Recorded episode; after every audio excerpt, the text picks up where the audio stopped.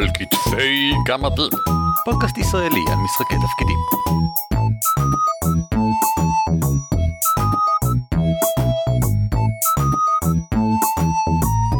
שלום וברוכים הבאים לפרק 196 של על כתפי גמדים, פודקאסט ישראלי העוסק במשחקי תפקידים. שמי הוא ערן אבירם. נעים מאוד, אני אורי ליפשיץ. והיום אנחנו מדברים על עתקים. עכשיו דיברנו על חפצים קסומים בעבר פה ושם ציינו כל מיני דברים ותפקידים שלהם במשחק אבל הפעם אורי רצה שנדבר על עתקים שמשנים את העולם ואת החוקים. עתקים שמטרתם היא אה, לשבור את הסטטוס קוו אני מניח באיזשהו אופן. ומעבר לזה לשבור את העולם עצמו את החוקים שלו אה, הייתי מגדיר אפילו עתקים ש... שמאפשרים לך לה... להחליף עולמות. אני מדבר על דברים כמו הסטארגייט למשל שהוא עתק שמשנה את חוקי העולם. אז כבר התחלת עם משהו מעניין ואני רוצה להתחיל באיזשהו סיווג של אה, סוגי עתקים. דבר ראשון עתק זה התרגום הסטנדרטי הנפוץ שלנו לארטיפקט או רליק או כל חפץ בעל משמעות בכל סוג של משחק. זאת אומרת זה לאו דווקא אה, נגיד היד של וקנה שזה עתק מפורסם של מבוכים ודרקונים שזה פשוט סוג של מין חפץ קסום. אה, זה יכול להיות גם כמו שאמרת עכשיו ה Stargate זה החפץ המשמעותי הגדול שראוי לדבר עליו באיזשהו הקשר. ואני רוצה לטעון שזה כנראה ההגדרה העיקרית. עתק הוא עיקר המערכה, גם אם לאו דווקא מטרת המערכה.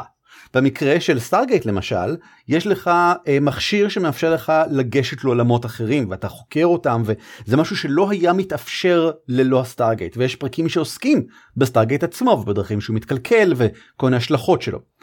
מטרת המערכה היא לא להשיג Stargate, היא לא לזרוק את ה Stargate אל הר האבדון. שזה שני מקרים אתה יודע קלאסיים של מה עושים עתקים מנסים להיפטר מהם או מנסים להשיג אותם. מטרת המערכה היא להשתמש ב Stargate כדי לחקור אותו הלאה. זה מקרה שבו העתק הוא הסיבה שקורים לכם דברים מעניינים. הוא למה אתם שונים ומיוחדים, הוא למה החוקים פועלים אחרת בשבילכם. בגלל זה אתם הגיבורים ובגלל זה אנחנו בכלל מדברים עליכם. אני לאו דווקא מסכים איתך. אני חושב שניסיון להשיג עתק כי זה המשימה שלכם ולקחת את העתק ולהביא אותה זה, זה בסדר. אה, אני מסכים. זה פשוט הרפתקה היא לא הרפתקה על העתק היא הרפתקה שבמקרה יש בה עתק. כל מה שאני אגיד זה שהעתק הוא עדיין העיקר כי הוא, הוא העיקר של מה שאתה עושה הוא פשוט לא משפיע על מה שאתה עושה לא באמת. כאילו אולי על פרודו השפיע העובדה שהוא צריך לזרוק את הטבעת וזה בוודאי השפיע על אה, בורומיר שרצה לקחת את הטבעת אבל רוב הזמן הטבעת לא עשתה הרבה חוץ מלהפריע לפרודו. ואם אני מנסה אה, להגיע אל הקצה השני של הספינת החלל הענקית כדי להפעיל את אה, המנוע, המנוע לצורך העניין הוא העתק שיאפשר לנו להגיע הביתה או משהו כזה, ועל זה המערכה, אני אדבר על ספינת חלל באמת גדולה, כן? ומה שאנחנו רוצים זה להפעיל את המנוע, זה המטרה, וכל הביום אמ, שבפנים משתנה והכל יתהפך ויהיה טוב יותר כמו פעם אחרי שנצליח להפעיל את המנוע סוף סוף. אז המנוע לא רלוונטי כל המערכה הוא רלוונטי רק בסוף שלה רק כשאני מצליח להפעיל אותה. וזה בסדר אבל זה אולי דווקא אולי זה לא דווקא מעניין כמו עתק שבאמת עושה משהו. כאילו... No shit, אתה אומר שמשהו שעושה משהו יותר מעניין ממשהו שלא עושה כלום. אני חושב יש הבדלה ואני אשים כמובן קישורים מ TV Tropes ל MacGuffin שזה פשוט הדבר שמניע את העלילה החפץ שאותו כולם מנסים להשיג רודפים אחריו או whatever לבין מקגפין שימושי כזה שהוא גם זה למשל הסטארגייט הוא עדיין מקגפין הוא לא הפסיק להיות הוא החפץ שמניע את המתרחש אבל אבל לא רודפים אחריו הוא שם ועוזר לך הטבעת היא מקגפין הטבעת האחת אבל היא טבעת שיש לה השלכות היא לא סתם משהו שפרודו סוחב העובדה שהוא סוחב אותה משפיעה עליו משמעותית במיוחד בסרט השלישי. סרט. כן כן אני לא קראתי את זה זה מה ש... אוקיי. אין מה לעשות. אז אז אנחנו רוצים לדבר ספציפית על כאלה אבל שהם עתקים שמשנים את החוקים של העולם. או שאנחנו הגיבורים מנסים לעצור את העתק מלשנות את העולם או שאנחנו רוצים להפעיל אותו כדי לשנות את העולם או שבעצם העובדה שאנחנו משתמשים בו דברים שונים בשבילנו. כאלה עתקים.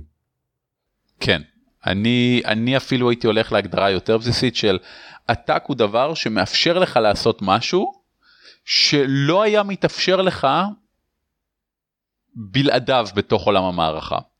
עכשיו לא היה מתאפשר לך אני מתכוון לא היה מתאפשר בכלל לך אי פעם בשום דרך. אם יש לך טבעת אה, שמאפשרת לך לעוף וזה עולם שבו יש קוסמים שיכולים לעוף פשוט אתה לא אחד מהם זה לא משנה עולם. משנה עולם זה הדבר האחד שמאפשר לכך שקסם לא יוכל לפעול ברדיוס של 100 קילומטר ממך לכל כיוון. זה משפיע על העולם בקנה מידה אחר. אתה אתה בדיוק מביא אותי לשיטת יצירת עתקים החביבה עליי שהיא פשוט הכי נוחה בעולם אני חושב. אתה אתה באמת הולך לכיוון ההפוך אתה לוקח משהו שקיים בעולם ואתה אוסר אותו בעולם ואז יוצר עתק אחד שמאפשר לעשות אותו בכל זאת. בעולם המבוכים ודרקונים הזה אין החייאות. חוץ מהמזבח האחד הזה שיכול לעשות החייאות. Uh, בעולם הזה אין uh, שיגור בין uh, פלנטות. חוץ מהמכשיר הזה שמאפשר שיגור בין פלנטות. ומדובר בדברים שהם כן בסיסיים בשיטה במבוכים ודרקונים יש חוקים מאוד ברורים לגבי החייאות יש כמה לחשים שונים שעושים את זה וכן הלאה וכן הלאה. ואתה הפכת אותם ללא זמינים כדי שיהיה את הדבר האחד שעושה אותם אמ, ואז אתה יכול לספר מסביב בדיוק ואז יש לך סיפור על הדבר שמאפשר לך להחיות ומה זה אומר כשאנחנו יכולים לחיות את עצמנו על בסיס די קבוע למשל ואף אחד אחר לא יכול. אה, מי שרוצה לראות דוגמאות לזה יש אה, את סדרת האנימה המעולה לוג הורייזון שמדברת על אנשים שנתקעו בתוך משחק מחשב אבל העניין היותר משמעותי שם זה שכל הדמויות שחקן כשהם מתים הם ריג'נרייט אוטומטית במקדש של העיר שלהם וכל שאר ה-NPCs כשהם מתים הם מתים לנצח. כן. אז איך העובדה הפשוטה הזאת יוצרת שתי חברות שונות מאוד עם מעמדות מאוד ברורות ביניהם. מאוד מעניין. זה גם מביא אותי גם מאנימה וגם חברתי מה שאמרת שם מדהים לנקודה הבאה אה, אתה יכול גם לשבור את החוקים של הסדר החברתי. Uh, למשל בקאסל אין דה סקאי של uh, מיאזקי שאני אני זוכר אותו עד היום בגלל הנקודה הזאתי. העתק המיוחד הבולט יוצא הדופן מה ששובר מה שמניע את האלה שם זה רובוט שיכול לראות. עכשיו זה לא ספוילר זה קורה די מוקדם. בשבילי רובוט שיכול לראות זה לא מאוד מרשים בעולם הזה מדובר בחתיכת מכשיר יוצא דופן הרסני uh, בהיקף הרבה מעבר למה שזמין לכל שאר האנשים והקרב המלחמה האמיתית שם היא על להשיג שליטה על בתכלס המפעל שלהם זאת אומרת שתוכל להיות זה שיש לו את הרובוטים שיורים דברים. וזה חתיכת שינוי פוטנציאלי באופן שבו עובד העולם הזה. במקרה ההוא מנסים לעצור את השינוי הזה זה, זה שינוי שישבור לחלוטין את המערכת החברתית כמו שהיא קיימת. אגב בעניין הזה כל שינוי תמיד יתחלק אוטומטית לשני לשני faction לשני פלגים נכון אלה שרוצים להביא את השינוי ואלה שהקונסרבטיביים שרוצים למנוע אותו נכון מאוד וזה א' ב' כאילו של כל אה, כל מה שסובב מסביב לעתק אלה שרוצים את העתק להפעיל אותו ואלה שרוצים שהעתק לעולם לא יופעל. כן. אה, גם אם גם אם שני הצדדים לא יודעים מה זה נכון אגב, אם תסתכלו על, ה, על המשחק geotagging אה, אני כל הזמן שוכח את השם Ingress, שלו Ingress Ingress נכון. כן. שיש שם שני factions אלה שחושבים הסיפור רקע המצוץ מהאצבע של המשחק הוא יש חומר אקזוטי קסום באוויר ויש מין פורטל שדרכם הוא עובר. ויש את אלה שבעד ואת אלה שנגד כן וזה הכל כן אנחנו לא יודעים מה החומר עושה וזה לא חשוב יש אנשים שחושבים שזה טוב יש אנשים שחושבים שזה רע הסוף והם נלחמים אחד בשני מלחמות מרות נכון מאוד. um, זה נהדר כי אתה מביא אותי אוי אורי אתה אתה כל הזמן רק מביא אותי אני לדברים. פה בשבילך ערן אני הוא עתק שלך. במשחק סיטי אוף מיסט שאני מריץ עכשיו אני אדבר עליו קצת אחר כך בהמשך בגמדים חופרים אה, עיר בערפל. עתק הוא פשוט סוג של תמה זה נקרא רליק ותמה זה פשוט אחד מהדברים שמרכיבים את הדמות שלך.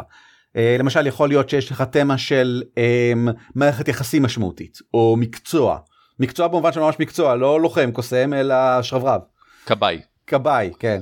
Um, עוד כבאי. יש גם תמות uh, על טבעיות כמו למשל אלטריישן uh, um, שמאפשרת לך לשנות באיזשהו אופן את העולם סביבך עם הכוחות שלך. אתה צריך להגדיר מהם הכוחות אבל באותו אופן אתה גם צריך להגדיר מהו המקצוע שלך אז זה אותו דבר. אז אחד מהתמות האלו היא רליק חפץ על טבעי מיוחד שיש לך שהוא בהכרח כמובן אלה עם מקרים יוצא דופן מאוד נדירים החפץ היחיד האחד שנמצא אצלך והוא הדרך היחידה להביע את המיתוס שלך להשפיע על העולם באיזשהו אופן יוצא דופן מטורף. ובמקרה שלנו יש לנו דמות שמשחקת מין סוג של אה, מלאך כזה זה מישהו שהופך למין מלאך שכזה מין שליח של המישורים העליונים והוא מחזיק בחרב אש מתהפכת כמו שמלאכים אמורים להחזיק.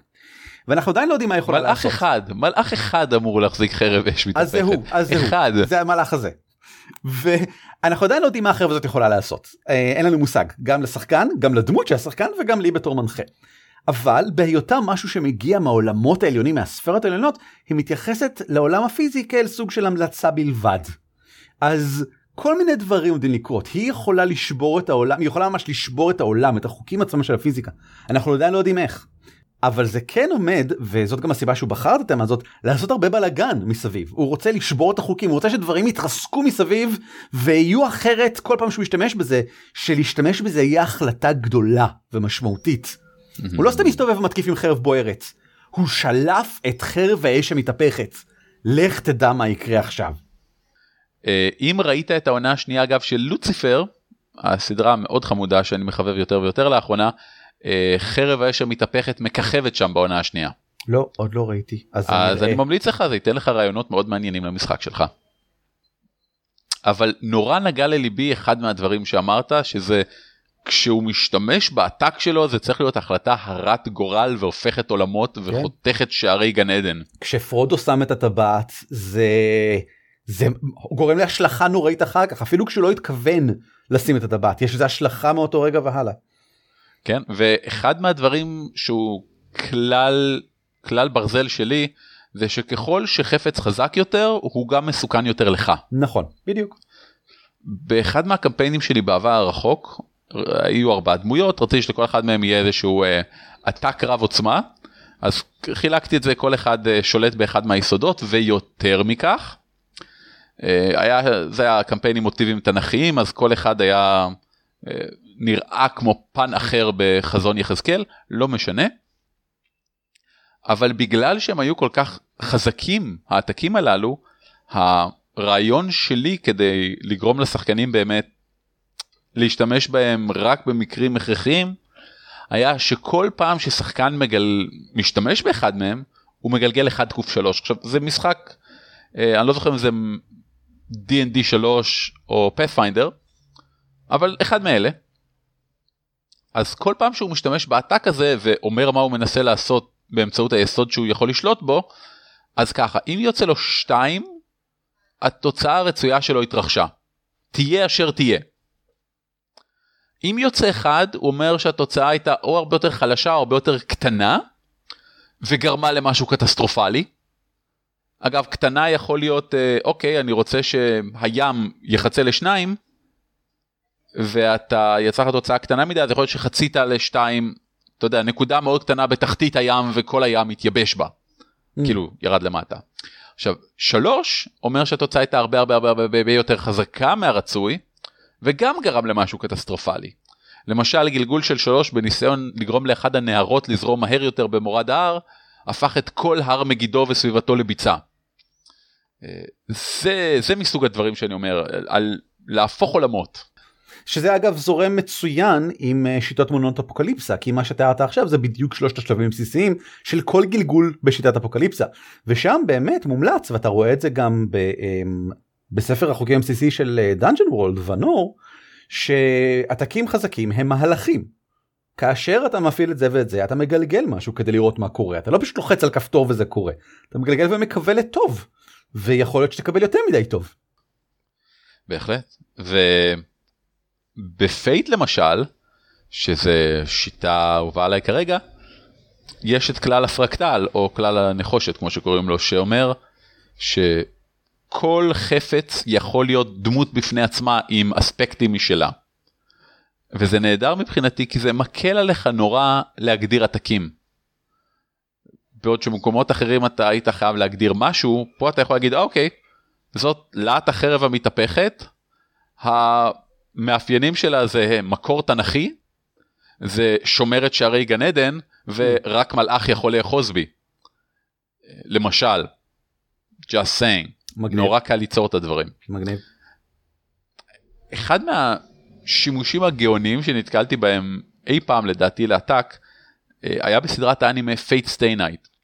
שם לאחת מהדמויות היה אשכרה פיגיון ששמו היה Rule Breaker ואם הדמות הזאת הייתה דוקרת דמות אחרת עם הפיגיון הזה היא יכלה לשבור את החוקים כנגד הדמות הזאת. למשל דקרתי אותך עם Rule Breaker עכשיו אתה לא יכול להשתמש יותר בהתקפה הקסומה שלך. או אה יש פה מעטה הגנה שבלתי ניתן למעבר בשום דרך על פי חוקי העולם אה רגע אני אשבור את חוקי העולם פה ואיכנס דרכה. חשוב לציין שמדובר לכם. בחוקים של המערכת הקסם של Fate/stay night זאת אומרת שיש כן. יש להם מין לכל דמות שם יש איזושהי יכולת שיכולה לעשות וכן הלאה ויש מישהו ששובר חוקים ואגב זה אה, trope אם אני בגדול זוכר נכון מ TV Tropes ואם אני אמצא את זה כמובן שאני אביא את הקישור יש trope כזה של אה, האדם האחד במערכת. של סיפור האנימה המסוים הזה שיכול לשבור את החוקים.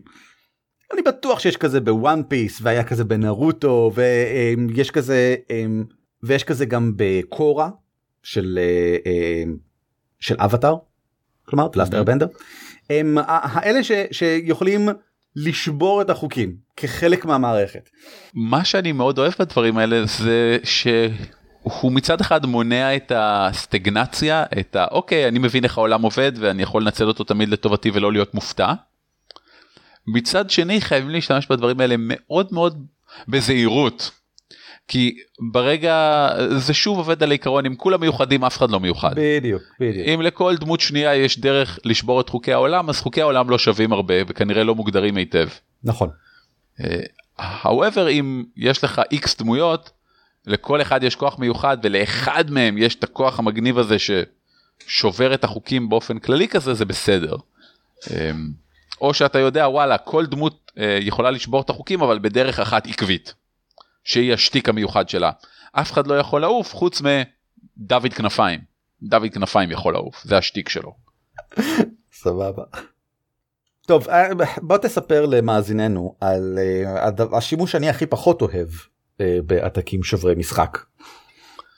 מה כשהם דופקים את המטה של המשחק נכון. או את נכון. המטאפיזיקה של העולם? המטאפיזיקה של העולם אני עוד בסדר. כשהם דופקים את המטה של המשחק זה זה ממש מעיק לי. Uh, אני מבין למה. בעיקר כי אתה לא מבין כלום בשום דבר. נכון.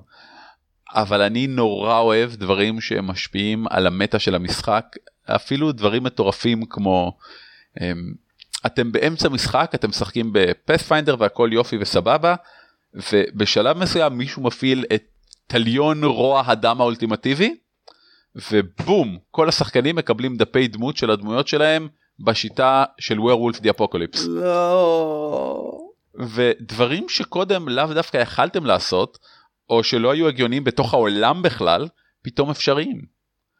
אה, דברים עוד יותר מגניבים כמו אוקיי מישהו מפעיל את קדרת מוחות הנבלוליים האולטימטיבית וחלק מהנפשות מחליפות גופות. ואת זה קל נורא לעשות על ידי זה שאתה לוקח דף דמות של מישהו נותן אותו לשחקן אחר ומחליף בין השחקנים והדמויות. ומה שיצרת פה הוא משהו שהוא לא אפשרי ברמת המטאפיזיקה של העולם ועדיין אתה יכול לעשות אותו בקלות יחסית בגלל איך שמשחקי תפקידים עובדים.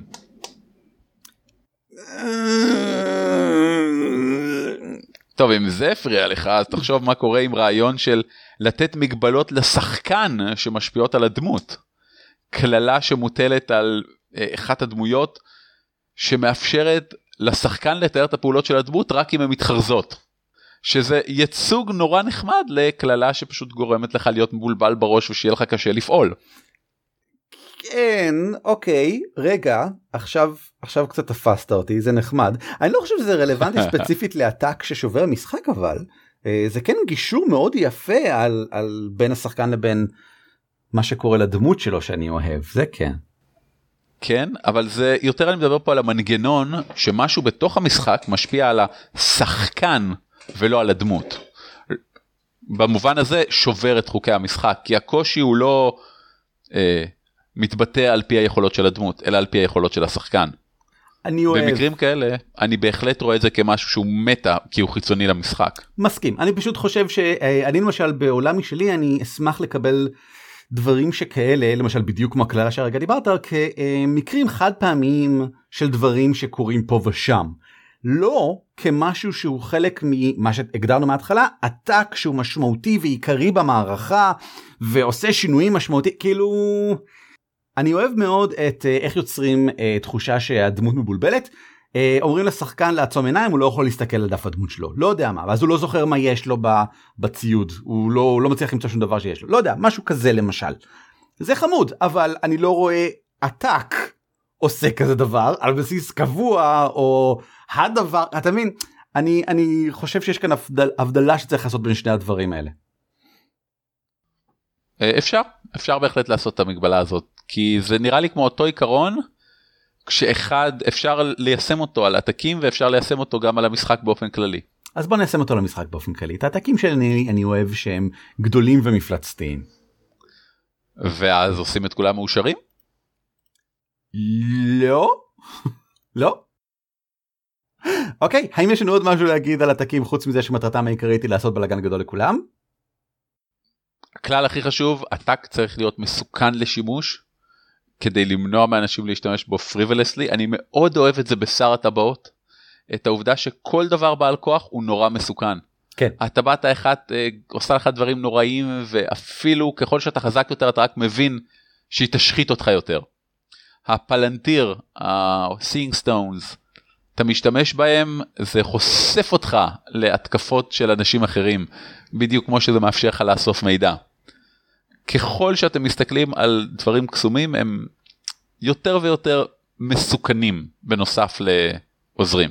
זה נכון דרך אגב גם לגבי למשל אפילו החרבות הקסומות uh, שהיו להם החרב שהחזיק אני כבר לא זוכר מי אני חושב ששני ההוביטים החזיקו אותה בעצם עוקץ uh, שרוצה להרוג גובלינים אז היא רוצה להרוג גובלינים וזה משהו שיכול לדחוף אותך לכיוון הזה גם אם אתה לאו דווקא מתאים לך וזה מה שאתה רוצה לעשות כרגע.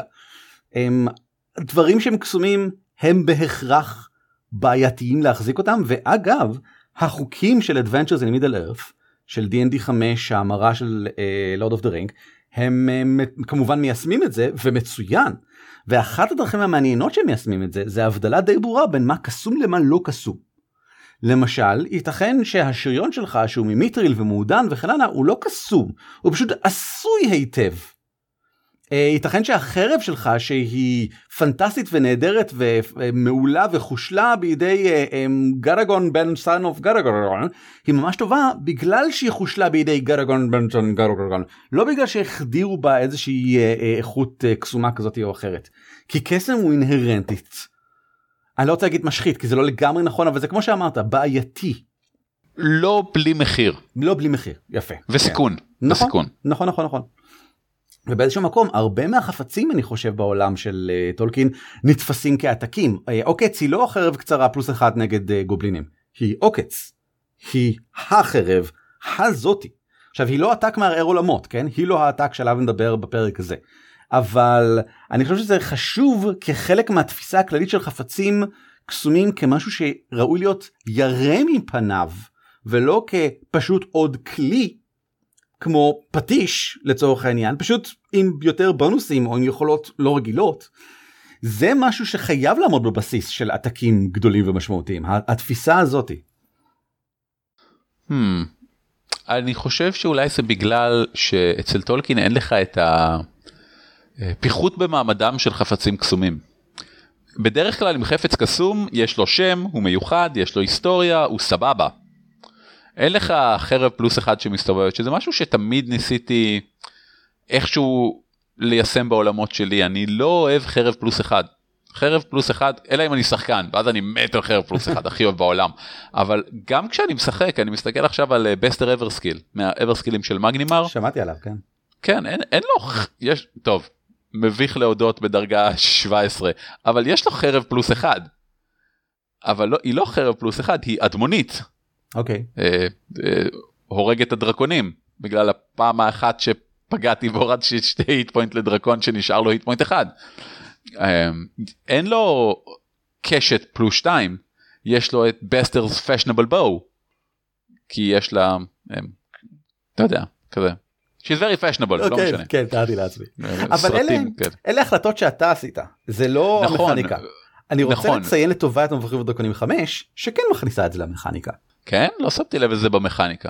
ובכן דבר ראשון כך מצוין באופן די מפורש במדריך לשייט המבוך שאין דבר כזה כאילו סתם שריון פלוס אחד דבר ראשון זה די נדיר זה פשוט קשה פלוס שלוש זה המקסימום שאפשר להגיע אליו וזה משהו שאתה מצפה להשיג אתה יודע בדרגות גבוהות דרגות 15 כזה אתה לא תגיע לפלוס שלוש על ההתחלה אתה בקושי תגיע לפלוס אחת עד דרגה 5-6 זאת אומרת אולי יהיה איזה שלושה ארבעה חפצים כאלה בחבורה ואתה רואה את זה גם בכל ההרפתקאות שלהם בא לידי ביטוי. כל נשק ופיסת שריון שראיתי עד עכשיו בכל הרפתקה של מבוכים ודרקונים 5 יש לה שם ורקע. ואגב עיצוב ספציפי גם כן. כל הכבוד להם. נכון. באמת, הצוות של מוד 5 עושה עבודה נהדרת. נכון נכון עדיין דרך ארוכה עד אה, שיוציאו מאיתנו את מה שכל המודים הקודמים הכניסו לתוכנו אבל בסדר. אוקיי עתקים, אה? עתקים עתקים אבל אה, נראה שחפרנו עד עכשיו בוא בוא נעבור לחלק אחר בתוכנית. הגמדים חופרים! זהו החלק שבו אנחנו מדברים קצת על מה קרה לנו בחיינו הרגילים כי אנחנו חושבים שזה מעניין וקשור למשחקי תפקידים. בדרך. ערן. אתה התחלת מערכה, נכון? עיר הערפל? ממש כך, קודם. ממש כך. אני העורך של עיר בערפל ועמית משה שכותב עכשיו את ספר החוקים בסיסי זקוק לי לא רק כעורך אלא גם כ playtester בגלל שאנחנו רוצים לבדוק שהחוקים החדשים עובדים. אז ממש לפני שבוע אה, ישבתי עם קבוצה של חמישה בריטים לא לגמרי נכון אחת מהם היא אמריקאית ממוצא אה, וייטנאמי אני די בטוח אבל האחרים הם בריטים ויצרנו דמויות למשחק של עיר בערפל באמצעות מערכת יצירת הדמויות החדשה אני חושב שאנחנו הראשונים שבאמת עשינו את זה כמו שצריך אי פעם אם ככה. אמ, ויצאו דמויות נהדרות זה לקח המון זמן המון זמן זה לקח שלוש שעות אה, שזה המון זמן במיוחד בשיטה שמבוססת על מנוע אפוקליפסה שבה בוואנור אתה יכול לשבת ואחרי 20 דקות לכל החבורה יש דמויות ואתם כבר בתחילת המשחק. לנו לקח שלוש שעות בגלל שבשיטה הזאת אתה צריך לבחור תמות לדמות שלך. ויש ארבע תמות בסופו של דבר שיהיו לך אבל אתה בוחר מבין 14. Mm, ולמרות שהן די שונות אחת מהשנייה ולמשל מקודם הזכרנו כמה תמות אני אציין גם את אה, אירוע מכונן משהו גדול שקרה לי או את expression הבעה של המיתוס שלי באמצעות אה, באמצעי מאוד כוחני למשל אם אני יורה פיירבולים מהיד זה expression ככל הנראה.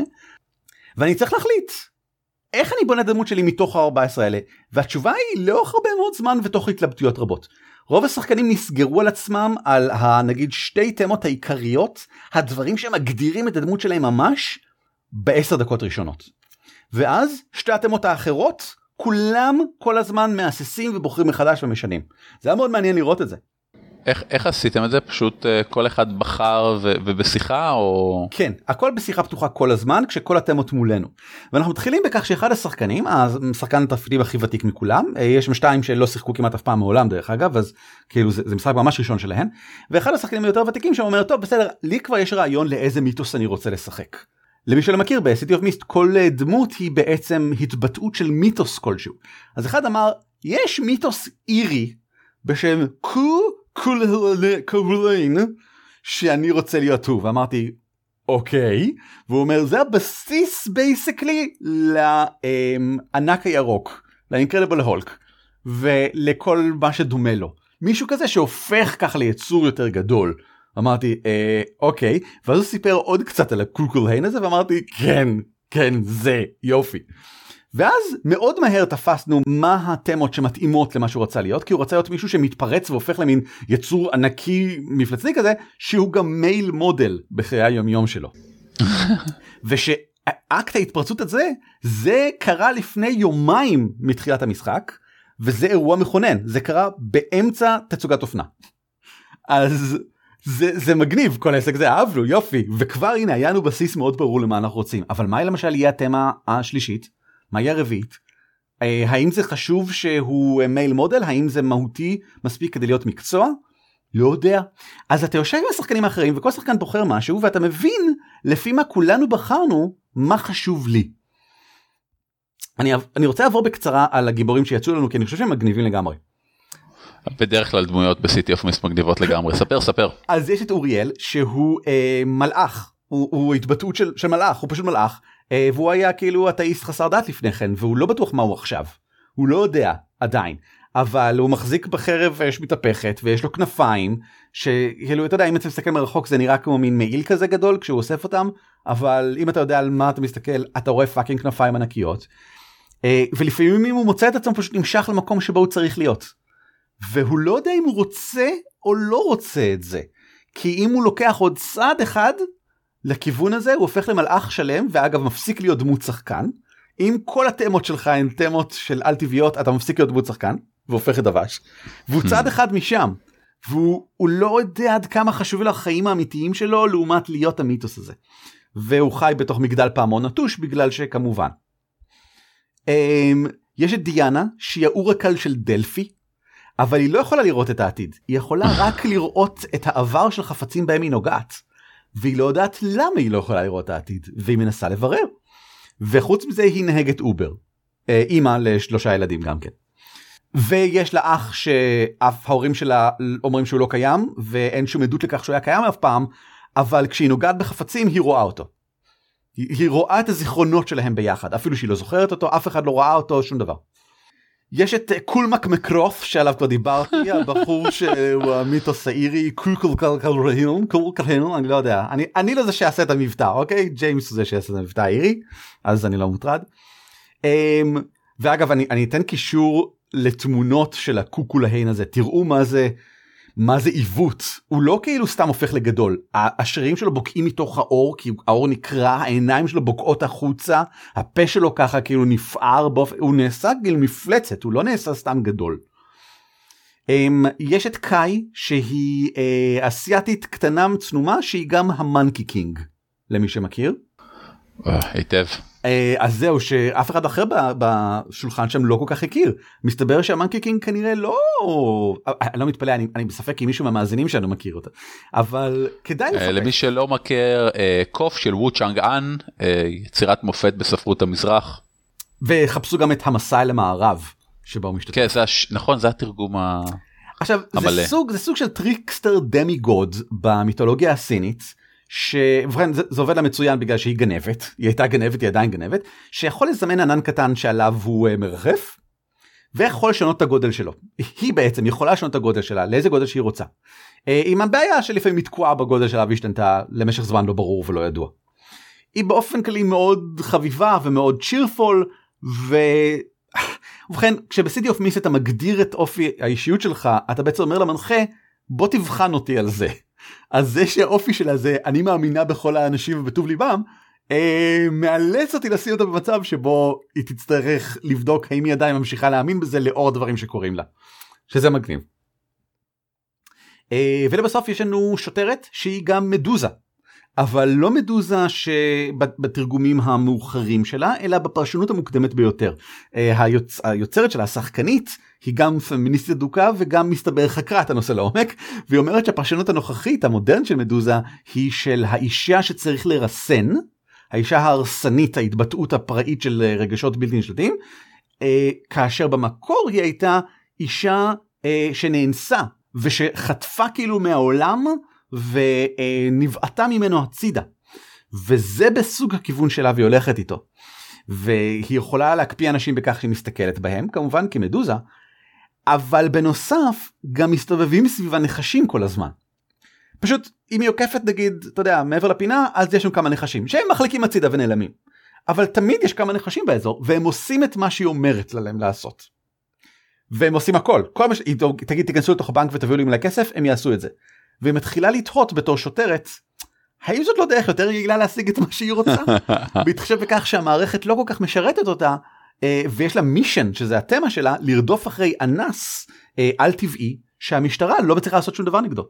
ויותר ויותר נדחפת לכיוון של אם ככה אולי חוק וסדר לא משרתים אותי כמו שחשבתי. אוי.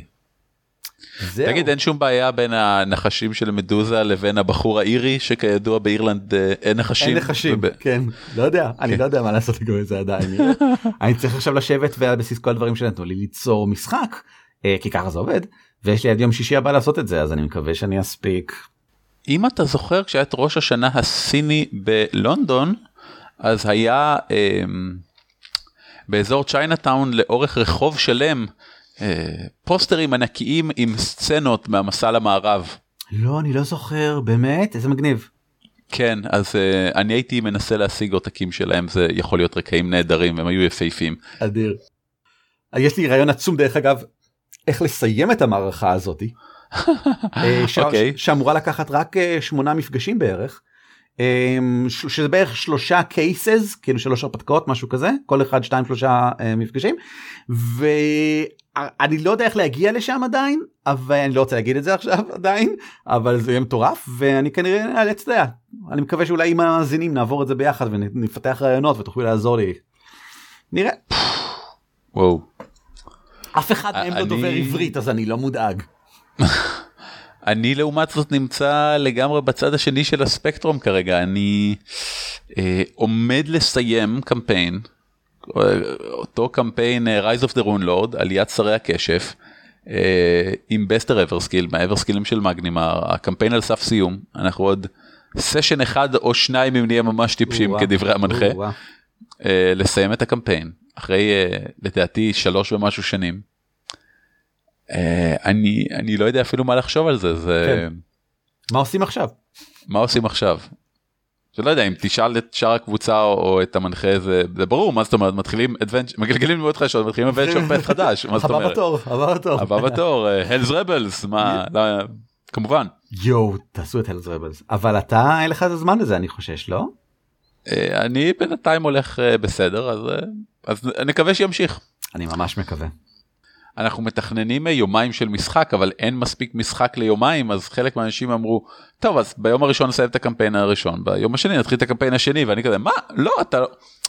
אתה צריך זמן להתאבל אתה צריך זמן לנשום עמוק להיפרד מהדמות שלך על מה אתם מדברים מה מה מה מה אני כאילו... גם לא מבין נראה לי כאילו יש מלא אתה מה אתם יושבים שלוש שעות רק כאילו. אתה יודע, מהרהרים, נזכרים באירועי העבר ומדסגסים על איזה כוס ברנדי ככה, אוי, זוכר בהרפתקה 2 כשהיינו מול החצי אוגים? נכון. כן. זוכר שאמרת לי אין סיכוי שבסטר יכול לגמור את הקרב הזה בסיבוב אחד אמרתי לך בטח שאפשר ועשיתי charm לכל המפלצות ואז הם הלכו אחריי עד ל encounter הבא שבו כולם הרגו אותי good times. אבל זה בדיוק מסוג הדברים שכאילו אפשר לשבת שעות לשבת ולדבר עליהם ולהיזכר בהם וזה נראה לי אדיר. כן בדיוק בגלל זה אני אני קשה לי להמשיך הלאה. אני אומר לפחות אחרי התפילת השכבה צריך מינימום אה, לשבת שבעה משהו. אה, כן. נו מילא. נו מילא. אבל uh, אתה יודע כל מה שמתחיל צריך להסתיים וטוב נכון. שזה מסתיים uh, באופן כל כך חיובי. אני מקווה כאילו תלוי בתוצאה של הסשן הבא. נכון. אם ככה אורי האם ידעת אם כבר מדברים כאילו על עלייתם של שרי הרונות או הקשף או איך שלא אתה לא רוצה. פאת'פיינדר אדוונצ'רס משחק המחשב המבוסס על פאת'פיינדר אדוונצ'ר קארד גיים שאני הכי אוהב בעולם הגיע לסטים. כך שמעתי. זה נשמע כמו חדשה ועדכון אבל אז נראה שאני אגיד את זה בחלק הבא שאנחנו קוראים לו חדשות ועדכונים. דבר ראשון המשחק הקלפים של פאת'פיינדר מגיע לסטים כן שמעתם את זה רק לפני רגע.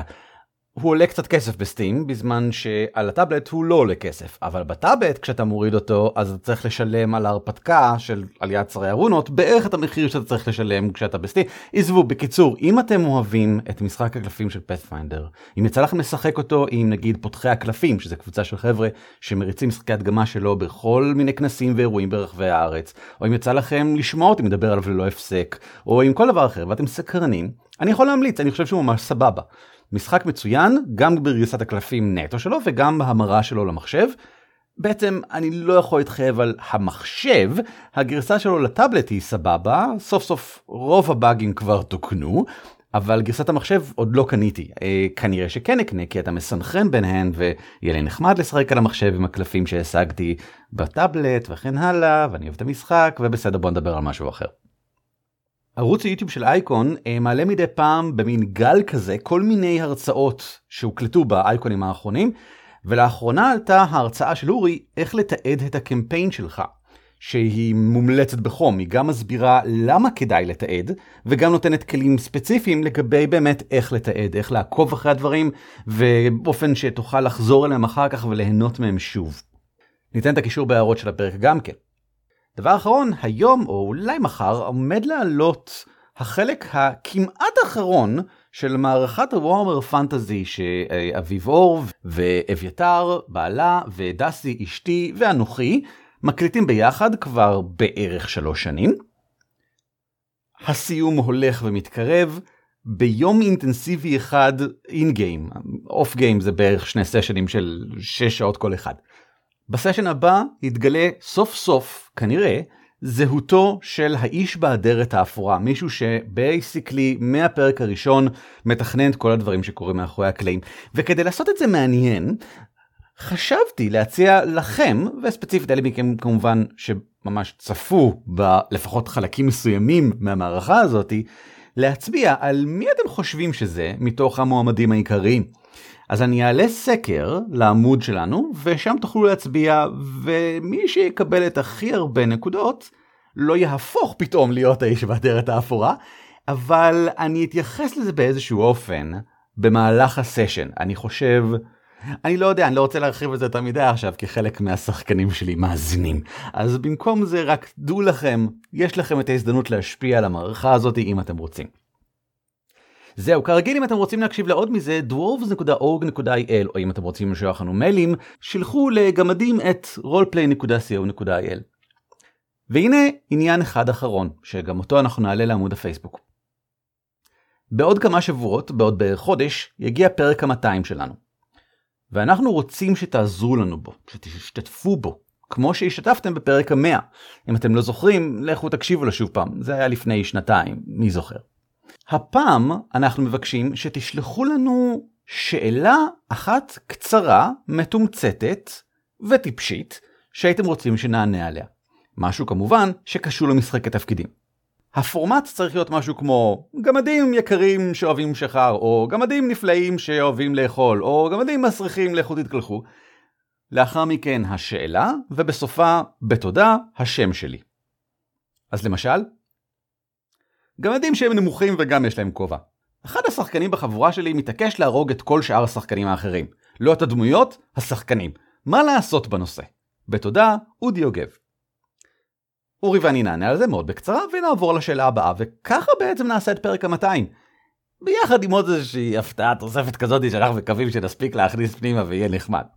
אז זהו, חישבו על איזשהו משהו משעשע שאנחנו חושבים שיהיה לכם נחמד, שימרו אותו בצורת קובץ mp3 או וואו, זה לא כך משנה לנו, אם כי אם אתם מכירים אותנו אתם יודעים שזה mp3 ווואו ושלחו לנו את זה במייל כזכור גמדים את roleplay.co.il אנא ציינו בכותרת שזה מיועד לפרק ה-200.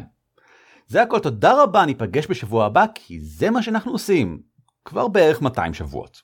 להתראות. על כתפי גמדים משותף ברישיון שיתוף ייחוס זהה Creative Commons 3.